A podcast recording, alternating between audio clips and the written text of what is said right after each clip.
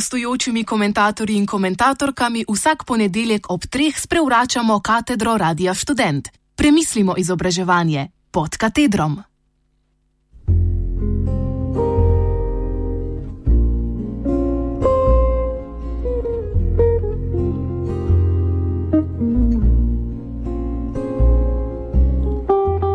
Veš, ministrstvo, svoj dolg.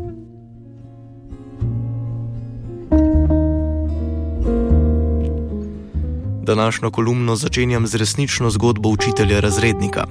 Učenci so svojega razrednika povabili na neuradno zabavo po valeti, ki se je pričela s pogostitvijo. Omenjeni učitelj je vljudno odklonil vabilo staršev, da poravnajo račun njegove večerje.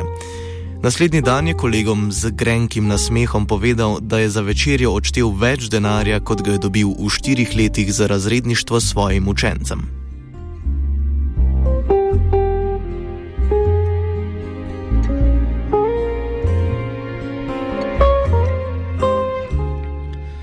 Na podobne težave je slikovito opozorila Oša Draga Kobala iz Maribora.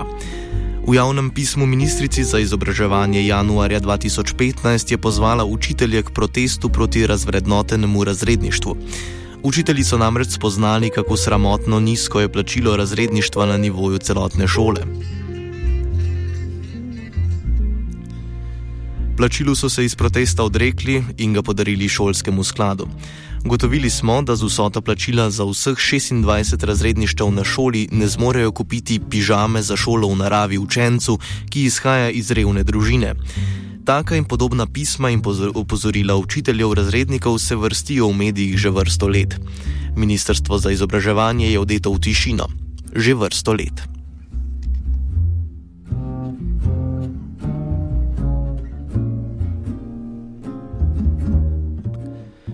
Razrednikove temeljne naloge je ministrstvo začrtalo nekako takole. Razrednik skrbi za osebnostni in socialni razvoj učencev, poznati mora osnove osebnostnih in razvojnih značilnosti učencev, zna analizirati dogajanje razreda kot celote in posameznikov v njem, načrtuje in izvaja ure razrednega pouka, izdela sistem pravil, ki omogočajo sožitje na šoli ter učinkovito učenje, so ustvarja kakovostne odnose med učenci, starši in kolegi, znati mora reševati posamezni problem tudi s pomočjo staršev in učencev. Upoštevati mora individualne razlike med učenci, njihovo socialno in kulturno okolje ter njihove življenjske stiske. Razrednik prav tako načrtuje in izvaja delo z otroki s posebnimi potrebami in mora biti konec koncev sposoben evalvacije lastnega dela.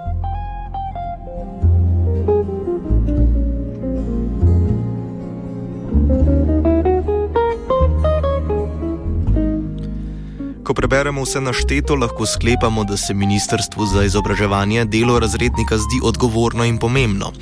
Vsako odgovorno in pomembno delo zasluži primerno vrednotenje in plačilo. Če pa je tako kot v primeru razrednika namenjeno za dobrobit otrok, pa bi si takšno delo poleg ustreznega plačila moralo zaslužiti spoštovanje in ugled.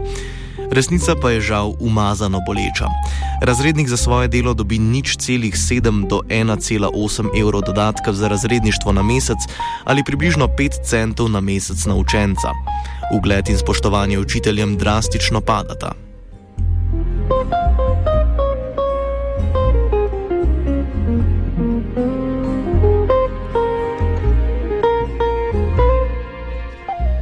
Razrednik je na šoli postal deklica za vse in za vsakogar, medtem ko notranjo dinamiko razredništva v resnici redko kdo dobro pozna. Učitelji smo ljudje, ki se trudimo s svojim delom navduševati učence, naše delo je stresno. Treba je držati pozornost 25 ljudi 45 minut ob povprečni jakosti hrupa, ki je više od vsakega dela v pisarni. Za nekaj centov morajo biti razredniki vedno pripravljeni odpreti vrata svojega časa in potrpežljivosti. Vodijo pogovorne ure s starši in učenci, preko službenih elektronskih naslovov redno obveščajo starše o različnih dogodkih, spremljajo učence na dnevih dejavnosti, na prireditvah ali lokalnih dogodkih, pišejo priporočila za štipendije in poročila za zavode in nadzornike, sodelujejo z raznimi službami, vodijo administrativna dela, ponovem tudi elektronsko administracijo in prevzemajo odgovornost za vse, kar je v njihovem razredu narobe, tako da rešujejo vseh vrst vzgojnih problemov, kjer se ne malo krat izkaže, da je v trikotniku učenec, starš, učitelj, edino le učitelj nezaščiten. in edini, na katerem se lahko s pravnimi sredstvi izvaja nasilje.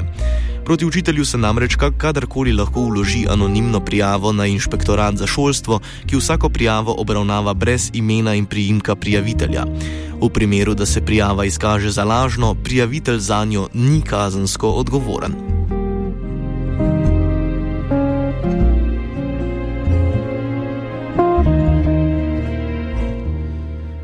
Pogosto najboljši učitelji opravijo največ dela na šoli in prav razredništvo je tipičen primer tega nesorazmernega razporejanja dela. Ni vsak učitelj razrednik. Bolj ko je učitelj sposoben in socialno spreten, več nalog dobi. Med njimi zagotovo tudi razredništvo. Kadar se pogovarjam s svojimi starejšimi kolegi, radi povedo, da je bil v času Jugoslavije poklic učitelja spoštovan. Učitelj je bil nad vse avtonomen in imel je večjo avtoriteto pri učencih. Z razredništvom se niso ukvarjali. Vsi učitelji so bili razredniki in to delo je bilo pravičneje razporejeno. Bilo je manj odličnjakov in učenci so razred ponavljali, kar je danes v osnovni šoli redek primer.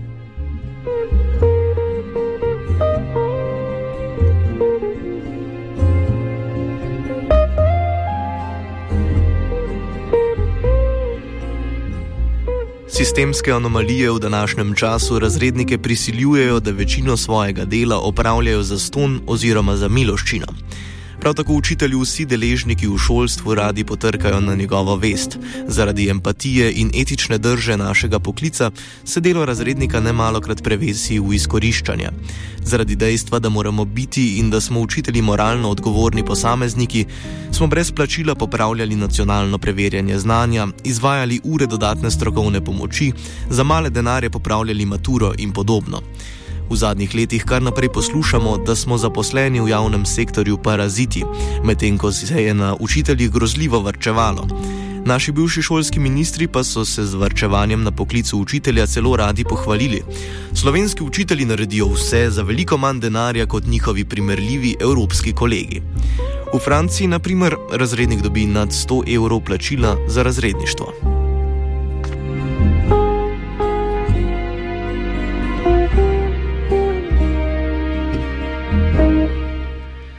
Ministrstvo križem roko opazuje razvrednotenje poklica učitelja razrednika in to ob zavedanju, da smo slovenski učitelji tisti, ki kljub izkoriščanju in poniževanju držimo kvaliteto javnega šolstva. Šola stoji in pade na učitelju, stoji in pade na razredniku. thank you